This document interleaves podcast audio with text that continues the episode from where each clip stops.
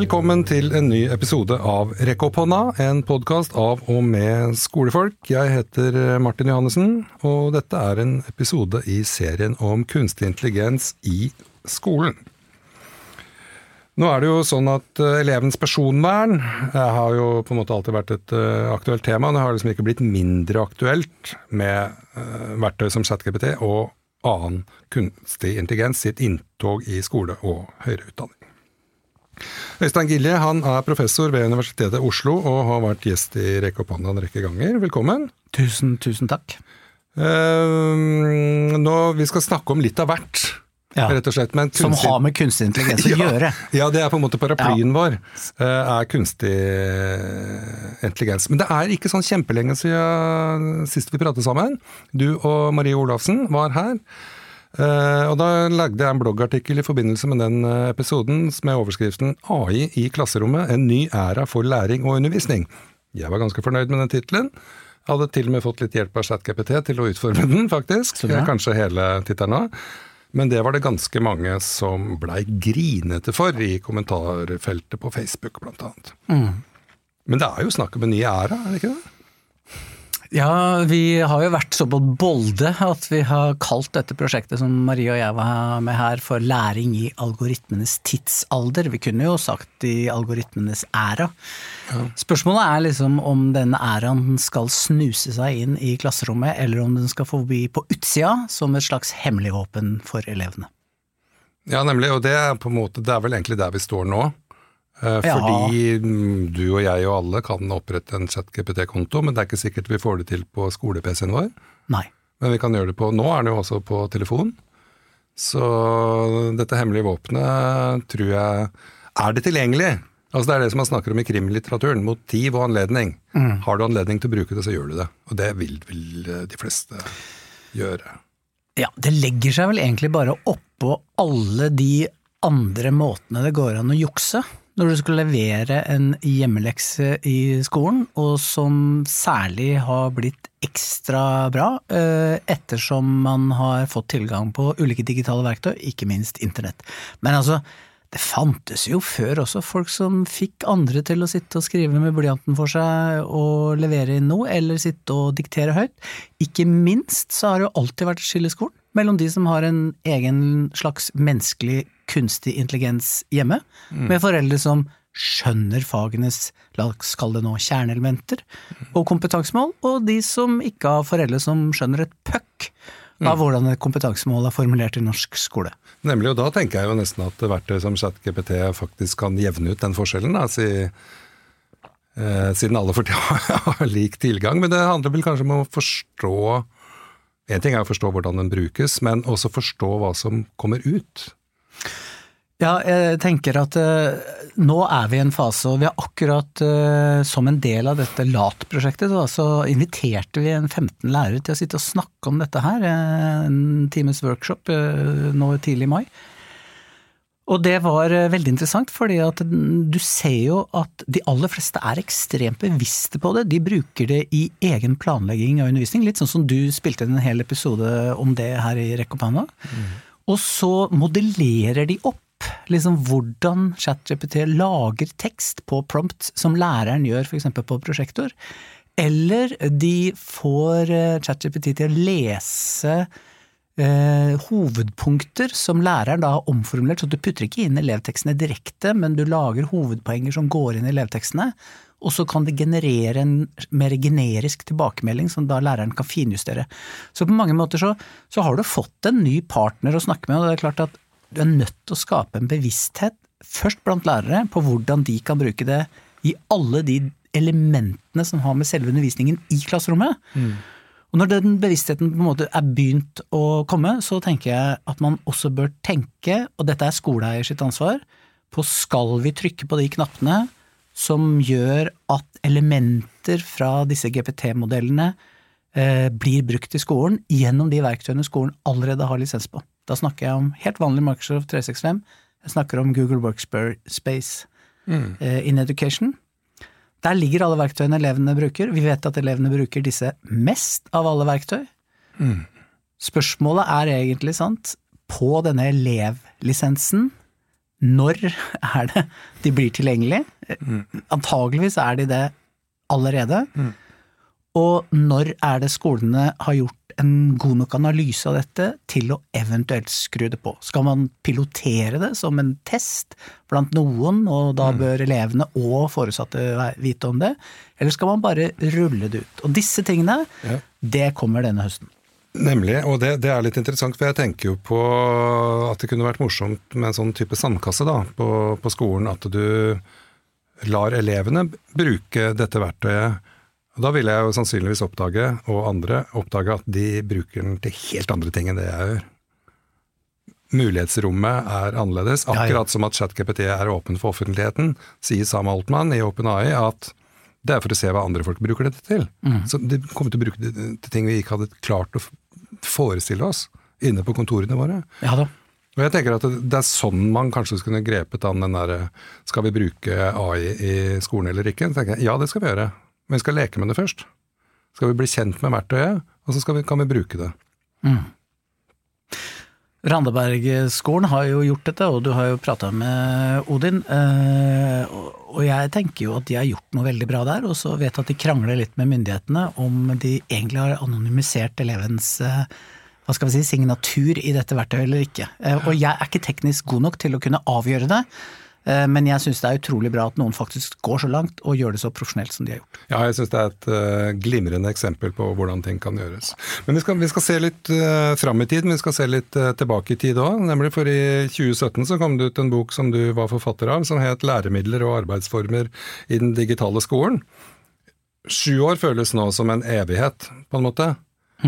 Eh, hvordan føler du det som en evighet? Ja, det føles veldig lenge siden mai 2016. Da satt jeg akkurat på den tida her eh, på toget på vei opp til NKUL, og så skulle jeg avslutte ark- og app-prosjektet. Hadde med meg hovedrapporten, og så hadde jeg lovt Fagbokforlaget å skrive det jeg trodde egentlig bare var en sånn rask eh, reskriving av hele den rapporten. Han er jo dum, vet du. Ja. Til en lærebok. Eh, Men det blei da læremidler og arbeidsformer i den digitale skolen, mm. som kom altså i liksom vinteren eller skoleåret 2016-2017. Og så spurte da de fagbokforlaget sant, eh, for et drøyt halvår siden, eh, kunne du tenke deg å revidere den? Og så kikka jeg litt på det, og satt tidlig i januar når det var mørkt, og fikk hele da den ferdig språkleste fila sant, som hadde gått i trykken da vinteren 2017. Og så at oi, oi, oi, dette er jo ikke bare en snill liten eh, revidering. Dette er nesten bare å stryke ikke absolutt alt, Nei. men veldig mye. Og i tillegg selvfølgelig så må jeg skrive et helt nytt kapittel om kunstig intelligens, og det kapittelet skal jeg si deg, det er det vanskelig å sette punktum på. Det fins jo egentlig ikke noe punktum i eh, den teknologiske utviklinga uansett, men jeg tenker at eh, i, i, i Men det fins det i bøker, og det er veldig greit at det er et punktum, men det kan man jo på en måte gjøre et nummer ut av også.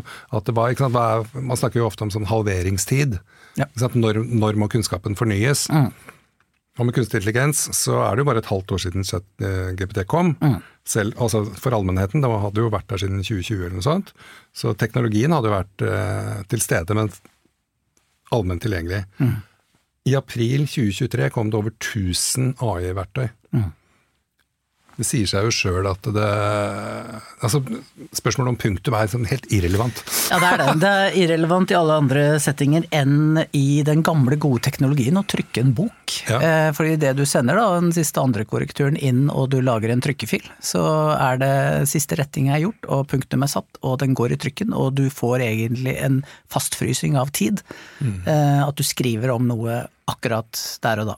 Men det er jo noe fantastisk med det òg, for det tvinger meg jo på en måte til å si hva er det slags perspektiver en lærerstudent trenger om kunstig intelligens generelt, og til dels spesielt om GPT-modeller og, og ChatGPT, eh, for å i hvert fall både skaffe seg litt innsikt, men kanskje mest bli nysgjerrig på det vi snakka om innledningsvis. Hvordan kan dette brukes i skolen? Og bare for å ta helt sånn her utrolig overforenkling. etter at Gutenberg trykte de første var det nærmere 200 biblene, sant? Så, ja. så gikk det jo nesten 100 år før Europa på en måte hadde en trykkekultur i Europa. Mm. I hvert fall deler av Europa. Ikke så mye her, da. Nei. Vi fant kanskje en trykkpresse nede i Sverige. Mm. Når internett kom sant, på begynnelsen av 90-tallet, så gikk det jo egentlig ti år før det begynte å bli noe orden på det. Ja. Og nå er det altså gått øh, Ja, det gikk 100 dager før liksom eh, det sto opp masse folk og sa nå må vi bare sette på bremsene for dette går for fort. Så det er klart at det er en mm. enorm eh, utvikling, eh, og det er utrolig vanskelig å sitte og kommentere den selv, mm. bare i den perioden fra vi spiller inn dette til du legger det ut. Mm. Ja, nei, det er jo akkurat det, men det er jo også et interessant uh, aspekt ved dette. Uh, fordi for meg så er det et argument for at vi må finne gode måter å forholde oss til denne og denne teknologien i skolen nå.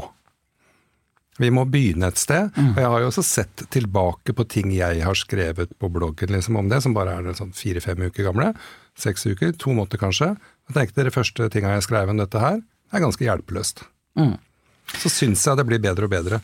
Men i Altså, jeg savner en debatt i Norge som handler om kunstig intelligens i skolen, den er fraværende, sånn jeg ser det.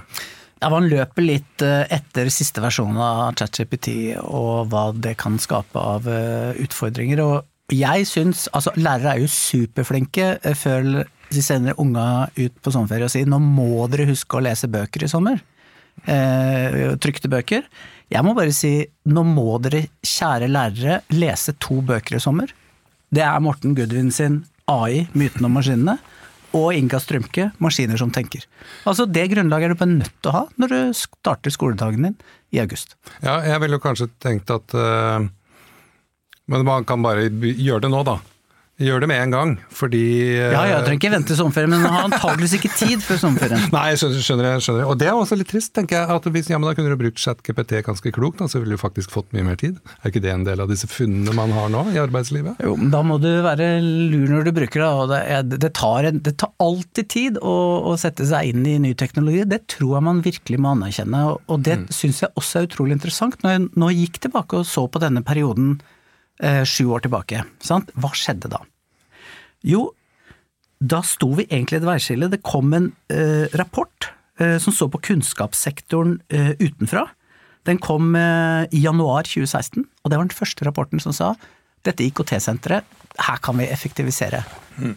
Fusjonere det sammen med Utdanningsdirektoratet. Og allerede fra da, januar 2016, så ble det skapt en usikkerhet omkring om vi skulle ha et eget senter for IKT-utdanning. De fikk jo riktignok med et eget brev fra KD beskjed om hva de skulle gjøre, og daværende eh, Røe Isaksen sa jo at nå må dere jammen meg være mer fokusert på skole. De fikk jo nesten 100 millioner i året for mm. å, å, gjøre den jobben. Men det gikk jo ikke, så det ble lagt ned. Og så fikk vi et annet senter, og det er jo Slate ved Universitetet i Bergen. De starta Eh, i 2016. De fikk tildelinga sommeren 2015, eh, og var flere da som så på dette. Og hva var den store diskusjonen med kunstig intelligens? Jo, adaptiv læring. Mm. Altså såkalte systemer som bygger på ekspertise, innenfor i dette tilfellet matematikk. Og smart øving var liksom det eneste produktet. Så sitter altså Læringsanalyseutvalget nå og skal levere sin rapport 6. juni. Der tror jeg det er ganske sikkert at de kommer til å skrive at det eneste produktet vi har som er lisens på og som brukes i norsk skole, det er multismart øving. Som altså bygger på en type teknologi som er en helt annen type mm. AI-teknologi enn den datadrevne teknologien som da ChatGPT hviler på. Og det er disse to verdenene og en eventuell hybridisering mm. av disse to inngangene til kunstig intelligens at jeg tror skolen kommer til å finne sin vei etter hvert, i en slags hybridløsning hvor vi er nødt til å ha ekspertisekunnskap som er mm. ferdigprogrammert, men som også kan ha modeller som er eh, inspirert av store språkmodeller, på et eller annet vis. Ja.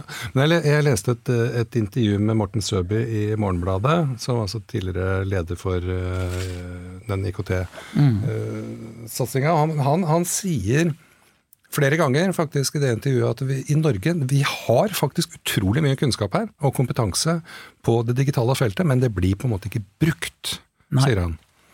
Er du enig i det? Ja, øh, nå vil jo han ha sin historie, fordi at han ledet jo IKT-senteret idet det ble lagt ned. Og jeg tror ikke så veldig mange vil være uenig med meg å si at øh, den kompetansen som fantes der, ble vel i stor grad pulverisert når de såkalt skulle fusjonere. Altså når du tar en bitte liten enhet og fusjonerer inn i en stor en, så vet jo alle hvordan det går. Det går dårlig. Eh, så syns jeg vel at Røe Isaksen hadde et poeng. Man skulle kanskje orientert seg i større grad mot hva som er skolens spesifikke formål. Ja. Og hvordan teknologien skal brukes der, og ikke nødvendigvis bare sett på teknologien seg selv. Nå skal vi ikke lage et debattprogram, for uh, nå begynner jeg å fremføre påstander som jeg mener kanskje også andre skal få lov å svare på. Men dette, som vi har sagt, vi setter ikke nødvendigvis punktum her. Uh, dette er noe som helt sikkert kommer til å være en debatt framover, når historien om hvordan nasjonale myndigheter har forholdt seg til digitalisering de siste sju åra. For at i denne perioden hvor 2016 var ca. midt i, altså fra 2013 til 2019, mm. så var nasjonale myndigheter, dette er det jeg som mener, nesten helt fraværende. Ja. Da kjøpte alle landets kommuner en PC eller nettbrett til sine elever. Ja. så den mismatchen, den eh, skulle jeg veldig gjerne sett studert nærmere. Jeg håper at noen masterstudenter, eller kanskje en gryende ph.d.-student, hører dette. Det må vi bare regne med, egentlig. Men altså Hva er det vi trenger da, å lære om kunstig intelligens i skolen? Én ting er jo på en måte lærerstudenter, men hva, hva, hva trenger lærerne i klasserommet å, å vite om dette? Mm. Altså, Først og fremst, og det vet jeg du har snakka om i andre podkaster i den serien her, så er det jo Frykt bygger jo veldig ofte på kunnskapsmangel. Mm. Og det er derfor jeg sa, kom med dette lesetipset i stad. Altså, man må rett og slett sette seg inn i hva det er, utover det å lese en tilfeldig avisartikkel eller en bloggpost eller en eh, sak på Twitter en gang iblant. Eh, jeg er jo ingen ekspert sjøl. Eh, så er jeg heldig fordi at jeg får lov å jobbe sammen med veldig flinke folk. Eh, og det er en del av jobben min. Men jeg tror egentlig lærere også bare må si at dette må vi forholde oss til i hvert fall på to måter. Det ene er at på et eller annet vis så må jeg deale med digitale verktøy som får dette innebygd. Og på den andre siden så skal altså de jeg har i klasserommet, være i arbeidslivet fram til 2070. Ja, det er akkurat det, men det andre perspektivet er jo også at det er faktisk de som går i fjerde klasse nå, da, om åtte år, så det er jo liksom det perspektivet vi ser mm. sju år tilbake og sju ja. år fram. Ja, det er sant. Det har jo skjedd veldig mye før de går ut av videregående, mm. tenker jeg. Og, det, og det, det, jeg savner at jeg mener ikke at man skal ukritisk omfavne noe som helst, egentlig. Men jeg mener at vi skal være veldig nysgjerrig på hva er det den nære teknologien kan gjøre for oss. For den har kommet, og den kommer til å utvikle seg, og utvikler seg i, både fort og, sakte, men på mange måter. Den blir en del av de verktøyene vi allerede bruker. Det opplevde jo alle som hadde Snapchat-konto. Plutselig fikk de en uh, AI-venn. Mm. Ja. De hadde jo ikke bedt om den, men Nei. den var der plutselig. Og dette er helt sånn grunnleggende, altså liksom hva er de gode bullet points på AI-literacy, for å lage sånn der eh, blanding mellom engelsk og norsk. Dette dreier seg jo egentlig om å kunne noe om hva kunstig intelligens er, se relevansen for skolen, kunne diskutere de etiske problemstillingene. Mm. For én ting er personvernet, sånn som vi begynte med. Men det andre er jo at dette dreier seg egentlig om barn og unge.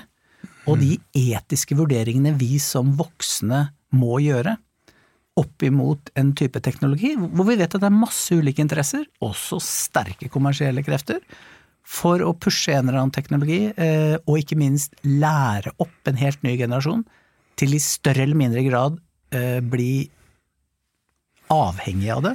Ja. Eh, og da snakker jeg ikke om sosiale medier og algoritmer, men egentlig liksom hvordan du bygger kunnskap. Så det er enormt mange problemstillinger som må løses. Samtidig så må jo da lærere også se hvis jeg lærer det å bruke det på en lur måte, så kan jeg få hjelp til pedagogisk opplegg, jeg kan spesialtilpasse flere oppgaver. Og jeg kan også bruke teknologien til å faktisk se hvordan ulike elever kan lære best. Mm. Eh, men da må vi hele tiden tenke etter hva er slags elevdata du da skal gi disse algoritmene for at de skal tilrettelegge for god læring på tilpassa undervisningstenkningen. Da. Men jeg har bare litt lyst til å holde oss litt på det etiske. Mm. Fordi jeg følger en dansk nettside som heter Viden AI. Som er en uh, veldig god nettside. handler om kunstig intelligens uh, i skolen. Og de har skrevet en rekke artikler om, om uh, etikken da, rundt det hele. og mange andre um, tilnærminger som de har. Så jeg har måttet klippe av litt ut der, og latt ChatGPT oversette det til norsk. Okay. så bare, bare par. drolle litt om det. Har du lyst til det? Kom igjen. Det ene er på en måte kanskje opplagt, men kanskje det første man lurer på også. Gir det mening å bruke kunstig intelligens i mitt fag? Det er en problemstilling vi står overfor. Ja, da skiller det antageligvis en del fra kunst og håndverk til matematikk. Eh, men eh, ja, jeg mener jo at i alle fag så burde man tenke hvordan det kan brukes. Men, mm. men det, er, det, er, så mange innganger, sant. Eh, og det å bruke kunstig intelligens, og kanskje særlig hvis vi snakker om ChatGPT, så er jo det en språkmodell. Det vi skal vite er at språkmodellen har på en måte skrapa internett for informasjon, og når du kommer inn på særlig eh, sånne litt vanskelige fag som fysikk, kjemi og sånne ting, fins det masse feilinformasjon der ute. Mm. Og det betyr at eh, sinnssagt vanskelige ting å forstå i fysikk og kjemi når du er på videregående, bare hente ut en tekst på det basert på en prompt eller en ledetekst, det kan jo gi deg en tekst som tilsynelatende ser ut, men det er full av feil. Mm. Mens det kanskje er enklere hvis du jobber innafor en annen type fag, da, som det kan være norsk eller samfunnsfag, eh, så er på en måte Måten kunnskapen er i de fagene er annerledes, og derfor mm. så er liksom det domenespesifikke for norsk og samfunnsfag annerledes enn innafor science, hard science. Ja. Og det er sånne, bare sånne små Eh, faglige forskjeller og betydningen av det, og da har jeg ikke engang begynt å gå inn på de praktiske estetiske fagene. Det er kjempeviktig å være klar over, men igjen da dreier det seg egentlig om grunnleggende ting knytta til kunnskap. Men så har jeg lyst til å nevne også et stort forskningsprosjekt som skal forhindre uetisk bruk av kunstig intelligens. Og det holder til på Høgskolen i Østfold, de gjør det sammen med Sintef Digital. Og eh, ei av de som jeg syns var veldig artig, hun hadde jobben med å intervjue mm, Inga Strømke når hun eh, lanserte boka si. Mm. Det er Leonora Onarheim Bergsjø. Ja. Eh, så nå har du nok opplysninger til å i hvert fall søke opp dette prosjektet. Hun er veldig opptatt av at vi må skille mellom det etiske og personvern. Og det mm. å få opp mer kunnskap om den distinksjonen mm. tror jeg er utrolig viktig kunnskap når vi skal diskutere det her i profesjonsfellesskapet. Det... Håper alle setter av to fellestider til å diskutere kunstig intelligens i høsten 2023.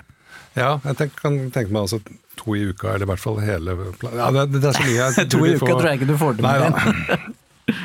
Nei, det må vi ikke. Men er en annen, så Du var jo droppa så vidt innom det. Men det derre Er lærerens rolle klart definert i undervisningen? Man skal bruke kunstig intelligens. Mm, nei, den, de som har vært litt på ballen, har definert rollen sin og sett problemstillingene. Og hvis de har gått til skoleeieren, så tror jeg kanskje skoleeieren bare har klødd seg i huet, fordi de har ikke vært i det klasserommet og møtt de utfordringene. Jeg har snakka med utrolig mange flinke lærere som har løfta opp disse problemstillingene. Og det jeg håper å få til eh, som en del av den boka mi som kommer i september, det er at du skal høre deres stemme. Ja, nemlig. Fordi at det, det er det er eh, bevisste lærere som er interessert i sånne podkaster som vi sitter her og lager nå, som egentlig vet mest om dette. Ja, det er akkurat det. Og det fins veldig mye bra folk eh, rundt omkring. Uten tvil. Det, sånn er det bare. Vi har et par ikke sant, Undersøk om teknologien samler elevdata. Det er jo, ja, det gjør den jo. Altså Alt som er på internett blir samla inn på et eller annet vis. så tenker jeg det, Men vi må liksom forholde oss til det, eller så må liksom kommunens databehandlingsavtale forholde mm. seg til det. Eller så ligger det der noe kanskje som har sniket seg inn som et lite sånn eh, smutthull, og så ligger det der. Skal vi ja. bruke det? Er det greit? Altså alle systemer eh, samler jo trafikkdata, måten du klikker rundt på, måten du velger ord og sånne ting. Eh, og så vet jo også datamaskinen litt om hvordan hver enkelt elevmaskin er satt opp. Mm. Og noen av de dataene de må på en måte en en eh, leverandør ha mm. for i det hele tatt få systemet på en måte til å virke. Ja. Så er det en veldig stor forskjell mellom lisensen som eleven har, og det du og jeg har når vi signerer en gmail-konto. Ja. Den er åpen og kommersiell, og selskapet, Google kanskje i dette tilfellet, selger hvordan vi søker og gjør ting, og de gjør alt mulig med e-posten vår alt mulig, og alt dette har vi godtatt. Mm. Det gjør de ikke, sier de, med elevenes data. Nei. Altså Google Workspace for Education er noe annet enn den kommersielle. Og det samme mener jeg også Microsoft har et skille på. Ja, nemlig. Ja, ikke sant. Men samtidig så i Danmark ble jo Google Workspace for Education forbudt. Ja, eh, de var, det var uklart der. Eh, Jeg hørte en del av de podkastene knytta til det, og det var vel egentlig ikke så veldig tvil om at eh, Helsingør kommune, var det her snakk om, ikke hadde gjort noe særlig bra jobb når det gjaldt å være skoleeier. Nei. Hva som er status der nå, det er jeg faktisk litt usikker på. Ja, nei, jeg vet ikke egentlig jeg heller. Vi, men vi begynner å måtte tenke på å runde av, Øystein. Til- Nå har vi sett litt fram og tilbake i tid, men eh, sånn, du skal se inn i den kunstig intelligente spåkula. Da, bare sånn ett år fram i tid, hva er det du ser der da? Skoleåret 2023-2024. Mm.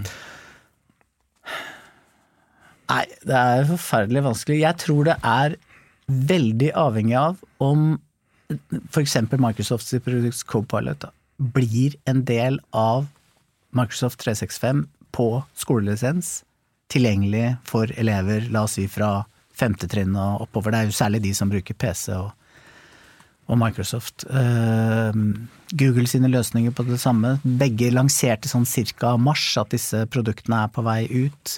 Du får hjelp til å lage powerpoint, du rydder Excel-arkene dine. Alt du har gjort fra før. Og dette er jo superinteressant. Altså, tenk deg progresjon.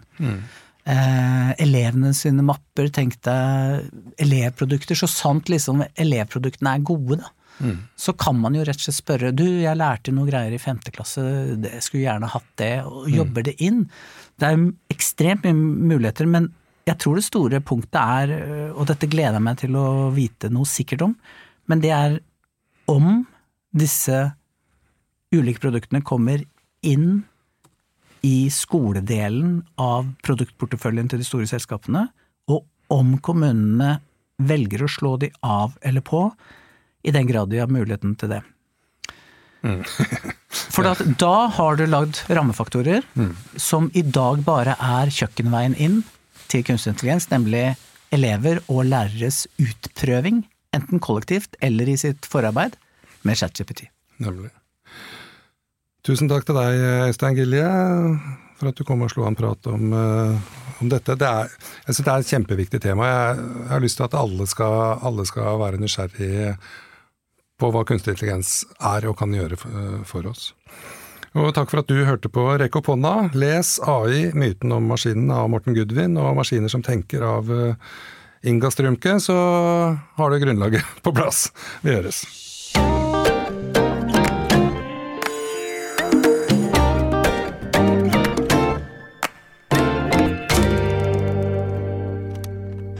Produsert av